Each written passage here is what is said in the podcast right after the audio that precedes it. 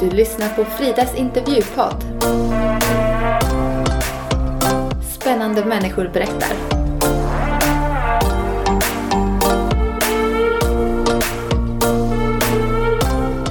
I det här poddavsnittet ska vi få lyssna till en mycket spännande och kreativ person.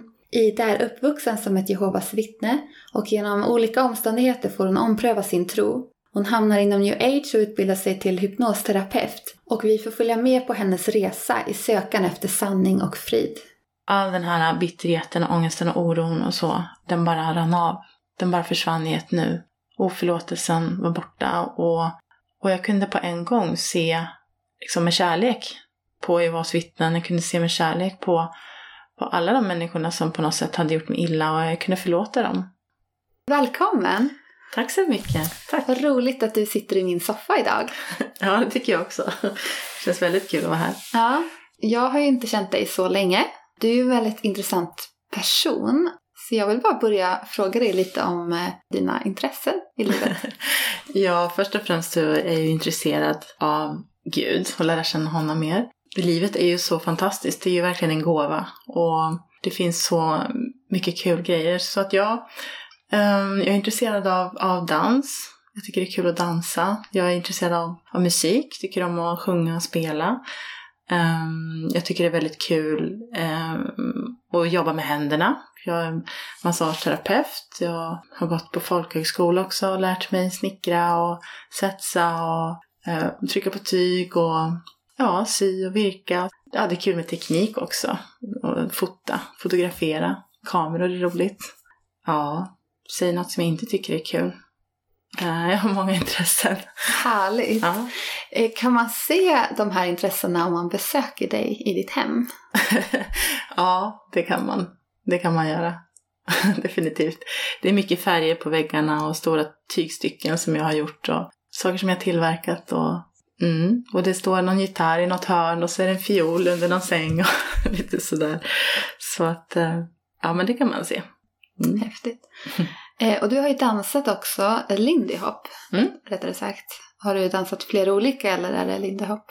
Ja, det är Lindy Hop och, och Charleston lite grann. Sen så när jag var yngre då så lärde, lärde jag mig bugg utav pappa och mamma när de, när de gick en danskurs. Det var väl egentligen så det började. Jag upptäckte glädjen i att dansa och röra kroppen och sådär. Det har alltid varit kul. Pappa dansar ju eh, sån här folkdans också. Så, mm. Eh, vill du Ida berätta lite när vi kommer in på dina föräldrar och så här, hur, hur växte du upp? Ja, jag växte upp i en släkt kan man säga som, som var Jehovas vittnen. Och eh, de var Jehovas vittnen i generationer tillbaka. Så min mamma och pappa var ju det. Även om min pappa var ett inaktivt vittne då. Eh, han kallades för overksam för att han inte gick på så många möten och han gick inte och knackade dörr längre. Men eh, han var ju fortfarande i tron och han följde med på sammankomster och sådär. Men sen var min mormor och morfar också Jehovas vittnen. Och deras föräldrar, vad jag förstår, var också Jehovas vittnen. Så att vår släkt tillhörde ju en av dem som, som tog emot den läran då. Eh, ja, var bland de första i Sverige tror jag faktiskt. Så, eh, så det har funnits eh, det har varit en viktig del av min uppväxt. Vi gick på tre möten i veckan. Eh, det var tisdagar, torsdagar och söndagar. Och ehm, varje kväll så läste mamma någonting ifrån Bibeln. Inte direkt ifrån Bibeln då, men ifrån deras litteratur som var bibelförklarande då och som var riktat mot barn. Och ehm, så följde man med ut och vittnade också. Idealet var väl att gå ut en gång i veckan i alla fall på helgerna och knacka dörr och så. Och det följde man ju med på, även när man var liten. Det fanns inte någon speciell söndagsskola eller sådär heller, utan det var samma program och samma aktiviteter för, för alla. Man blev väl kanske lite vuxen eh, ganska fort. Man lyssnade på undervisning som egentligen var för vuxna och, och ja, kom in i den eh, världen på det sättet. Jag hade i och för sig ingenting emot det. Jag, det passade mig och jag tyckte det var intressant och och jag överlämnade mitt liv till Gud ganska tidigt och döpte mig redan som, ja vad var jag, 13, 14. Så det har varit en viktig del av min uppväxt och, och mitt liv och, och det fortsatte så. Eh, upp i ganska hög ålder. att, jag, att jag upplevde att, att det var sant, det som jag trodde på. Jag var övertygad om att, att det var sant. Även om det fanns perioder av tvivel så kom jag alltid tillbaka till det här att, att um, ja, det fanns vissa argument sådär som, som, som, som de trycker väldigt mycket på. Och som jag hela tiden kom tillbaka till och övertygade mig själv om att ja, men det här är, det är sant. Jag tror på. Så höll jag fast vid det. Även när det var jobbigt och, och sådär. Mm. Vi firade inte jul, vi firade inte födelsedagar och midsommar eller påsk eller så. På det sättet som andra gjorde. Men eh, jag hade inte så stora problem med det heller faktiskt. Jag bara minns någon gång när, när de skulle spela eh, ljudmusik i, eh, skolan och skulle öva inför en konsert och sådär. Så kom jag ihåg att jag stod utanför och, och längtade. Jag hade gärna velat vara med på det. Men, men annars så, så hade jag faktiskt inga större problem med att vara ett Jehovas när jag växte upp. Jag tyckte att det var, det var en, en fördel på ett sätt att våga vara annorlunda. Eh, även om andra kanske ibland retades lite och sådär så, så, så kände jag i mig själv att, att det var någonting som gjorde mig starkare faktiskt. Jag tänkte bara vara som alla andra då. Kunna våga gå sin egen väg.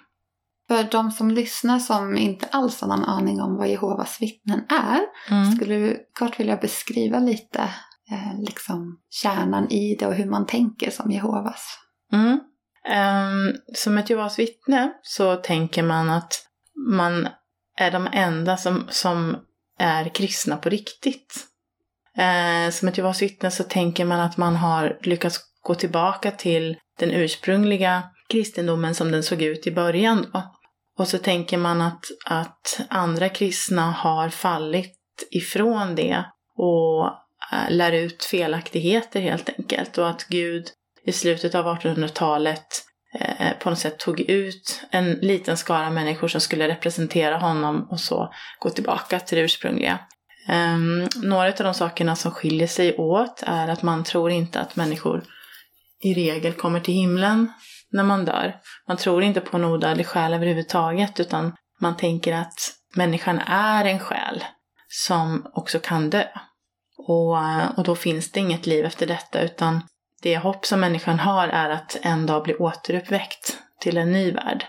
Um, och den världen är då renad ifrån ondska. Så man tänker att Gud kommer att ingripa och rätta till saker och ting som vi ser omkring oss idag, ta bort ondskan, eh, återupprätta ett, ett rike på jorden då. Och det sker genom det här kriget som kallas för Harmageddon. Och sen så ska jorden bli ett paradis och då så kommer människor att uppstå som har levat tidigare. Så tänker man. Så det är en sak som skiljer sig. En annan sak som skiljer sig mycket är också tron på Jesus. Man tror att Jesus eh, kom till jorden och att han dog för våra synder. Och att vi behöver tro på honom för att vinna livet. Men man tror inte att han är Gud i form av en människa. Och man tror inte att vi som människor ska be till honom heller, även om han har varit med och skapat allting. Utan det vittnena tror är att han var en ängel innan han kom till världen. Eh, ärkingen ärkeängeln Mikael faktiskt. Och att när han hade levt sitt liv på jorden så gick han tillbaka till livet som ärkeängeln Mikael i himlen igen.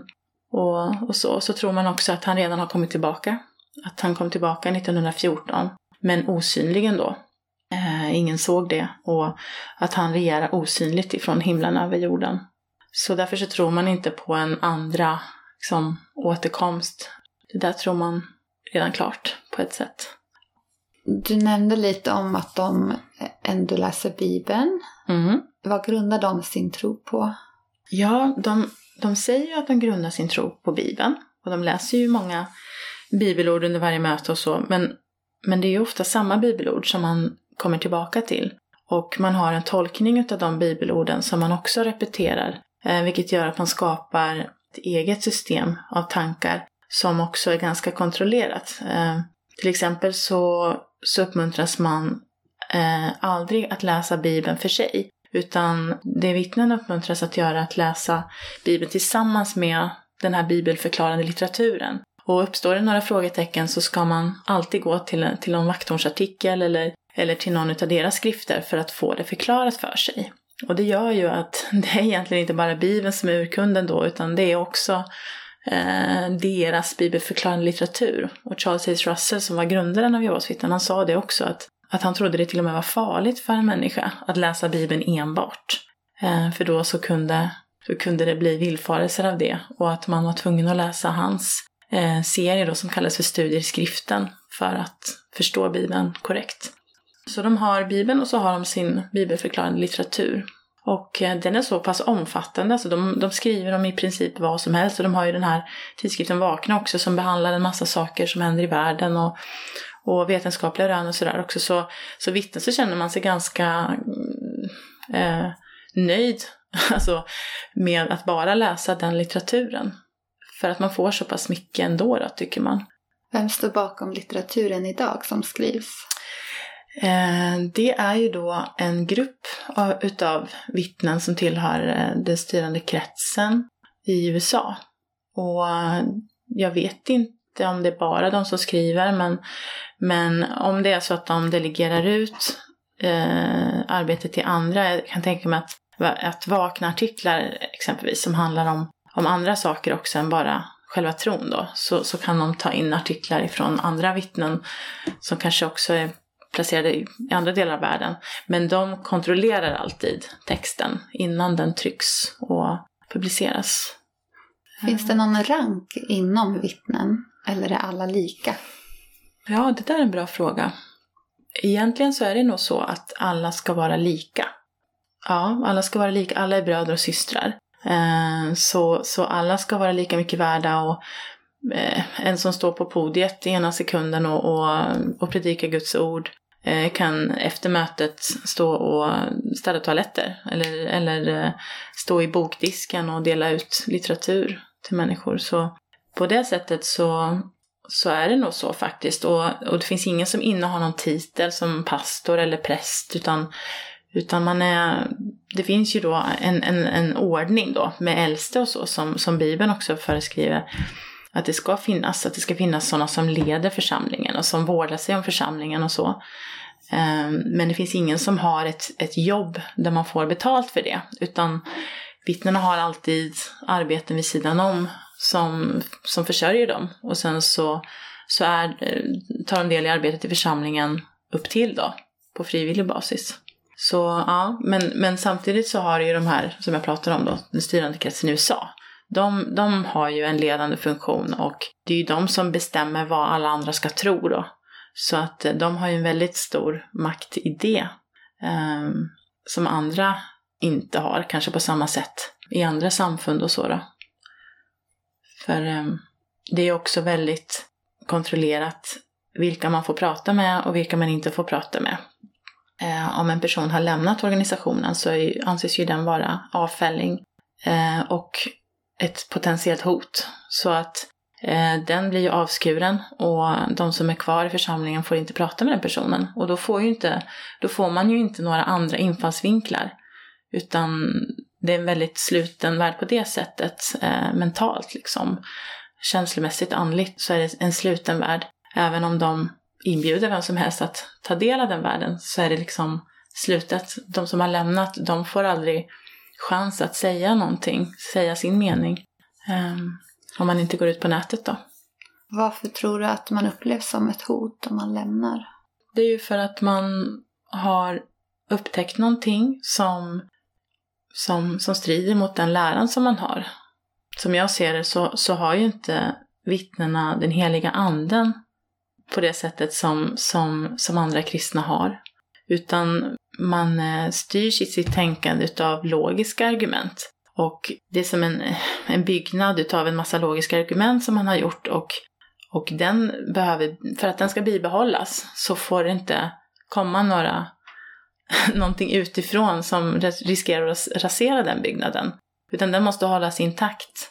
Och då, då, så, då så funkar det inte med, med människor som ifrågasätter eller som har kanske upplevt någonting övernaturligt och som strider emot de här logiska argumenten. Ehm, så ja, jag minns ehm, i samband med att jag kom till tro så, så läste jag om ett, om ett vittnesbörd där en kvinna som hade varit ett Jehovas vittne blev helad ifrån en väldigt allvarlig sjukdom. Som hon trodde att hon skulle dö ifrån och även hennes man trodde det. Alla trodde att hon skulle dö. De var beredda på det. Men eh, så kom hon i kontakt med en kvinna som, som bad för henne. Och den här kvinnan var ju född på nytt Och när de bad så, så upplevde hon att en stark kraft gick igenom hela kroppen från tå till, till topp och den här energin, den här kraften gjorde att hon blev fullständigt helad ifrån den här dödliga sjukdomen och kunde städa huset och laga mat och, och ge barnen mat också. Så när mannen kom hem så undrade han vad som hade hänt för hon wow. var en helt ny kvinna. Wow. På morgonen när han hade åkt till jobbet så var hon döende och alldeles gul i ansiktet och när han kom hem så var han full av energi. Wow. Och, och Gud gjorde ett fantastiskt helande i hennes liv. Men hon skrev då till Jehovas vittnen i hennes församling, till de äldste och berättade om det här, vad Gud hade gjort. Eh, att hon hade blivit helad och fått uppleva en massa saker efter det också, så fick hon ju bara tillbaka ett brev att du blir utesluten. Eh, för att det, det, det, upplevs som ett hot. Och man, man, man Jehovas vittnen vill ju få det till att, att det är djävulen till och med som gör de här sakerna. Att han kan spela, spela människor ett spratt och det kan han ju också. Men det är tråkigt när man, när man inte ens undersöker saken utan dömer det som den heliga anden gör och det som Gud gör för att vara djävulens verk. Det, och det känner vi igen ifrån Bibeln. Men Jesus blev också kallad det ena och det andra och uh, anklagad för att samarbeta med djävulen så, så det är inte konstigt. Ida, vad var din gudsbild när du växte upp? Ja, min gudsbild? Ja, men jag såg, jag såg, jag såg nog Gud som en, en Gud som jag ville behaga. Och jag såg honom som en person som stöttade och hjälpte mig och som jag kunde vända mig till när jag hade problem och ja, som kunde också mm, leda och öppna vägar och, och så för mig. Men framförallt så var det en person som, som det var viktigt för mig att behaga. Att mina, mina, mina handlingar och, och det jag sa och det jag tänkte och sådär, eh, det kunde han uppleva som positivt eller negativt. Och eh, om det var så att jag inte mådde så bra så kunde jag ofta tänka att det är någonting som, i mig som är fel, så någonting som jag har gjort fel som, som, um, som jag behöver rätta till för att uh, få det rätt ställt med Gud igen då. Hur var din resa från att du var ett Jehovas till att du inte är idag? Kan mm. man säga. Eh, det är ju en, en lång historia, men om jag tar det lite kort så hade jag hamnat i en livskris. Jag hade varit gift tidigare och um, ett par år efter skilsmässan och sådär så, så blev jag utesluten på grund av en relation som jag hade inlett utanför äktenskapet. Och jag hade gjort slut med den här personen och ville inte leva i synd så. Men um, jag blev ändå utesluten. Och jag var utesluten ett helt år och jag kunde inte förstå varför. För att jag, jag såg inte hur det stämde med, med det Bibeln sa. Om att när vi kommer till Gud så är han trofast och rättfärdig och han förlåter oss våra, våra fel och våra skulder. Jag såg inte hur man levde upp till det och hur man återspeglade Guds kärlek och hans nåd. Men så stämde det inte heller med det som de själva hade skrivit i sin litteratur. För där så stod det att ingen som inte vill bli utesluten behöver bli det.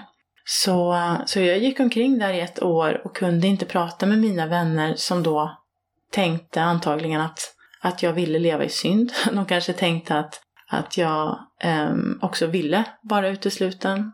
Och så här. Och, och, och jag hade ingen talan. Jag hade, det var en stor munkavle på mig och, och jag fick inte ge uttryck för mina tankar.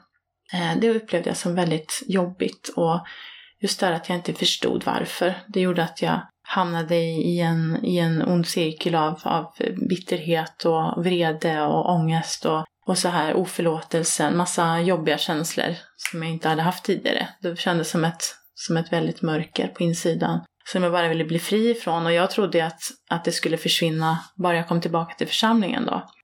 Men det jag längtade efter var ju försoning med Gud det var ju att få känna att jag verkligen är förlåten och att, och att Gud ser på mig med nåd. Det var det jag längtade efter. Så efter ett år när jag kom tillbaka till församlingen så släppte inte de där känslorna i alla fall. Och jag gick omkring med dem i ett år till och, och visste till slut inte riktigt vart jag skulle ta vägen. Och då pratade jag med min bror, kommer jag ihåg vid tillfälle, och han sa att eh, Vet du Ida, jag tror att du behöver eh, inse att, att det finns inga människor som kan hjälpa dig. Utan du behöver vända dig till Gud direkt och, och be om hans hjälp. Och det var någonting i det där som han sa som gjorde att, att jag bara, ja, just det, det är det jag måste göra. Och jag gav mig själv tillåtelse att lägga Jehovas vittnen åt sidan och hela deras doktrin och, och allt det här som, som jag hade varit uppvuxen med. Så jag gav mig tillåtelse att ifrågasätta allt det och sen bara söka Gud direkt. Och då minns jag att jag bad just det vid ett tillfälle. Eh, att Gud skulle visa mig sanningen. Och eh, att jag ville följa honom vart det än ledde mig. Jag sa, jag vet att sanningen kommer göra mig fri. Så visa mig sanningen och om, om den leder mig bort ifrån Jehovas vittnen så, så får det vara så. Men jag vill bara få frid med dig igen. Så bad jag. Och så um, började en resa på ungefär nio månader. Det började med att jag, jag fick en bok i handen som handlade om en nära döden-upplevelse. Som var väldigt, väldigt stark. Som är skriven av en person som heter Even Alexander. Och den heter Till himlen och tillbaka. Kan verkligen rekommendera den boken. Och ehm, när jag läste den så var det som att den heliga anden talade till mig genom den. Och öppnade upp mitt sinne och mitt hjärta för, för den verklighet som, som vi lever i. Att själen faktiskt inte är dödlig, utan att den lever vidare efter döden. Och ehm, att vi kan vara med om saker på andra sidan som människor i den här världen inte ens kan drömma om. Och det finns detaljer i den där berättelsen som, som gjorde att jag verkligen kunde tro på det också, för han var själv hjärnkirurg och han hade tidigare inte trott på nära döden-upplevelser och hade en massa sådana här naturliga, så kallat naturliga förklaringar på de här fenomenen. Men i slutet av boken då, med grund i sin egen eh, upplevelse, så kunde han skriva av den ena naturliga orsaken efter den andra och, och um, det var bara så övertygande. Så, så då öppnade jag upp för det här att okej, okay, vi har ett liv efter döden.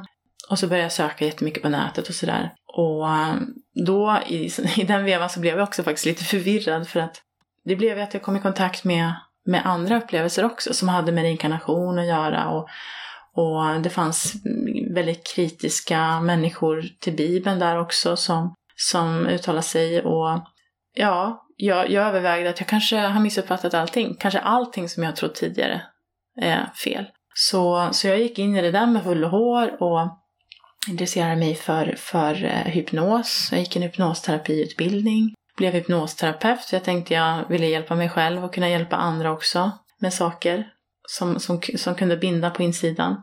Och så um, läste jag böcker och uh, jag eh, intresserade mig för healing, kvantumhealing, se vad det var för någonting. Och jag gick på en yogafestival den här sommaren, det var 2015.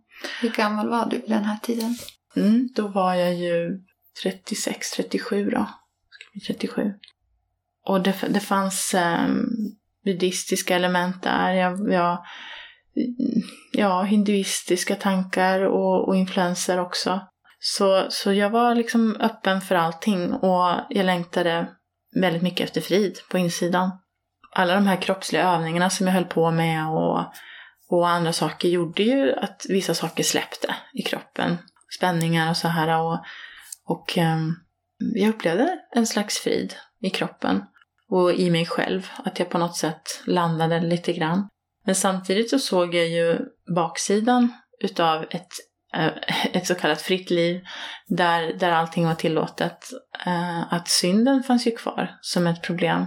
Synden var väldigt påtaglig och jag såg att att eh, det fanns inte så mycket moral eh, bland de här människorna då. Som visserligen sökte sanningen, men inte i Guds ord. Utan eh, man ville hitta sin egen sanning och, och, och plocka godbitarna ur, ur eh, kakan så att säga. Så då, eh, efter ett tag så, så bestämde jag mig för att, att jag vill inte ha med det att göra. Utan jag stängde dörren till det där, till hela den världen då som hade med new age att göra egentligen. Och så bestämde jag mig för att, att söka sanningen i Bibeln. För eh, jag upplevde att, att eh, under hela den här tiden så hade Gud påmint mig om bibelord som, som jag upplevde som väldigt stabila, som jag upplevde som säkra och, och stadiga att stå på. Och det kunde jag lita på. Så eh, jag stängde dörren till det där för att det var, det var väldigt instabilt. Jag kände att hela Jorden gungade under fötterna och jag upplevde mig väldigt förvirrad. Stängde dörren till det och så sökte jag mig till Bibeln. Och ehm, jag kommer ihåg hur det var. Jag, jag slog upp Bibeln och så bad jag till Gud att han skulle vägleda mig och att han skulle visa mig sanningen eh, om sig själv.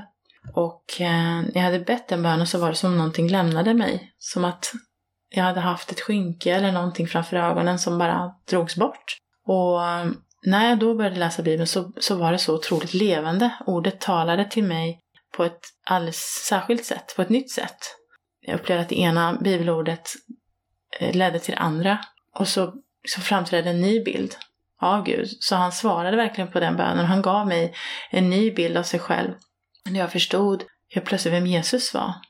Att den person som jag hade älskat. Jag älskade Jesus från det att jag var barn. Såg hur han botade sjuka, hur han var mot människor, hur varm och kärleksfull han var, medlidsam och förstående och sådär. När jag förstod att den personen, att det, det är Gud, det är Gud i form av en människa, att det är så han har hjälpt oss att lära känna Fadern, så var det en sån här riktig wow-upplevelse. Och det kändes så stort också att, att jag fick upptäcka det själv och att Gud visade mig det bara genom sitt ord. Och att det är möjligt att hitta sanningen på det sättet. Och då där i december hade vi kommit fram till då, 2015, så, så bad jag till, till Jesus för första gången, vågade jag göra det. Och bad att han skulle ta över mitt liv, att han skulle eh, rätta till allt som var fel och leda mig. I samband med det så, så satt jag på min säng och jag minns precis hur det kändes att, att han kom verkligen och, och omslöt mig på alla sidor. Det var som en stor kram och jag kände det som att han sa välkommen hem. Välkommen hem, jag, jag har väntat på dig. All den här bitterheten, ångesten och oron och så, den bara rann av. Den bara försvann i ett nu. Oförlåtelsen var borta och, och jag kunde på en gång se liksom med kärlek på Jehovas vittnen. Jag kunde se med kärlek på, på alla de människorna som på något sätt hade gjort mig illa och jag kunde förlåta dem.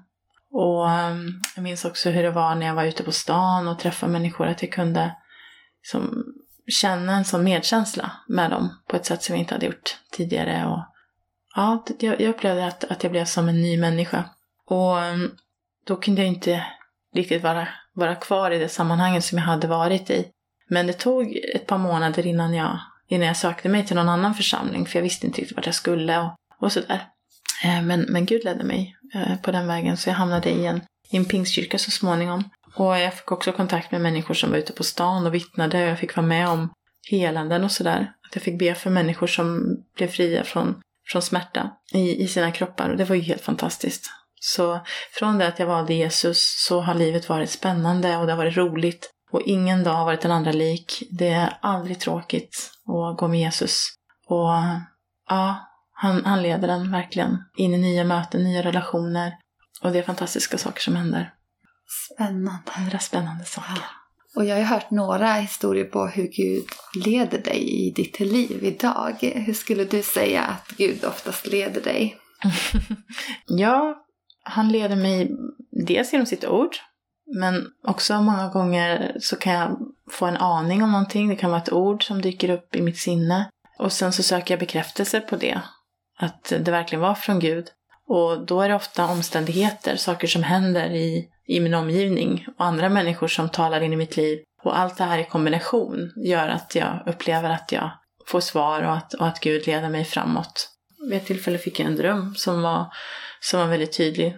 Där jag fick klart för mig precis vart jag skulle flytta någonstans. Mm. Så, så, och vad som skulle hända sen. Och det blev verkligen så också. Så att Gud kan tala på olika sätt och jag tror det är viktigt att vi är öppna för de här olika sätten. Att vi inte låser fast oss vid att, att det måste vara en röst eller att det måste vara en dröm eller att det måste vara på något annat sätt. Utan att det kan se lite olika ut också för olika människor.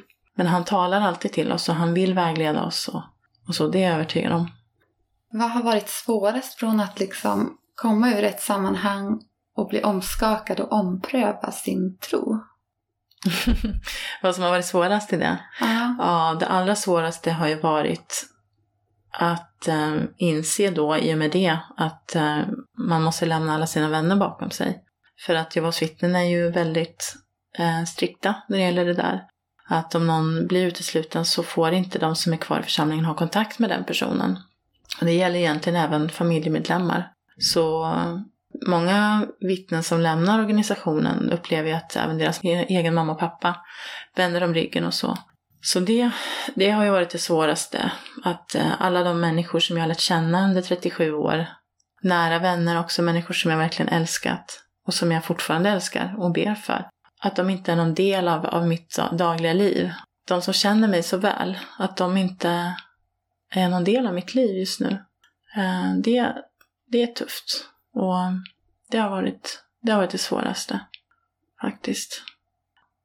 Hur ser din gudsbild ut idag om du jämför med hur den såg ut som tonåring? Ja, han har ju verkligen hoppat ut ur den där boxen. Om man får säga så. Nej, men han, mm. jag ser honom som så mycket mer idag. Då så hade han ett namn och det var Jehova. Nu så, så har han fortfarande det namnet. Han är fortfarande Jehova. Men, men han är ju så mycket mer. Han är Fadern, han är Sonen, han är den heliga Anden. Och alla de tre bor i mig och verkar genom mig. Det är fantastiskt att, att känna honom på det sättet. Att han är så nära. Han, han är inte först och främst den här som, som dömer eller som har åsikter. Utan han är, han är en kärleksfull pappa. Han är den här fadern som man kan krypa upp i knät hos och som, som älskar mig och alla människor villkorslöst. Det hade jag inte riktigt klart för mig innan på det sättet som jag upplever idag just Guds nåd. Att eh, den är så, den är oändlig, den är så rik och den är varje morgon ny. Och att få gå, få vandra i, i, i Guds nåd, det, det är det stora för mig idag. Att se hur det inte handlar om mig och mina prestationer och det som, som jag kan göra, utan det handlar om Gud.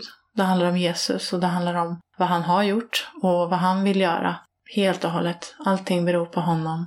Så det är skönt, alltså den här prestationen också i förhållande till Gud finns inte där på samma sätt längre. Med den bakgrund som jag har så behöver man ju jobba på det. Och så, men jag upplever att jag går ifrån det mer och mer och mer och inser att allt är nåd.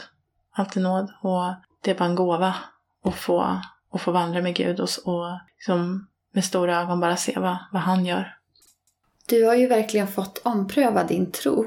Är det viktigt att göra det eller vad skulle du säga till någon som aldrig kanske har reflekterat över att ompröva det man själv tror på? Mm. Ja men det, det, det rekommenderar jag verkligen att, att göra. För vad man än tror på så kan man alltid lära sig också någonting nytt. Det behöver inte vara så en sån om, omfattande förändring som det var för mig, att jag var tvungen att byta ut i princip allting. Um, utan det kan ju handla om mindre modifikationer. Men uh, att vara öppen och att lyssna lyssna på andra med ett öppet sinne och inte ha bestämt i förväg vad, vad man ska tro om det som den andra säger.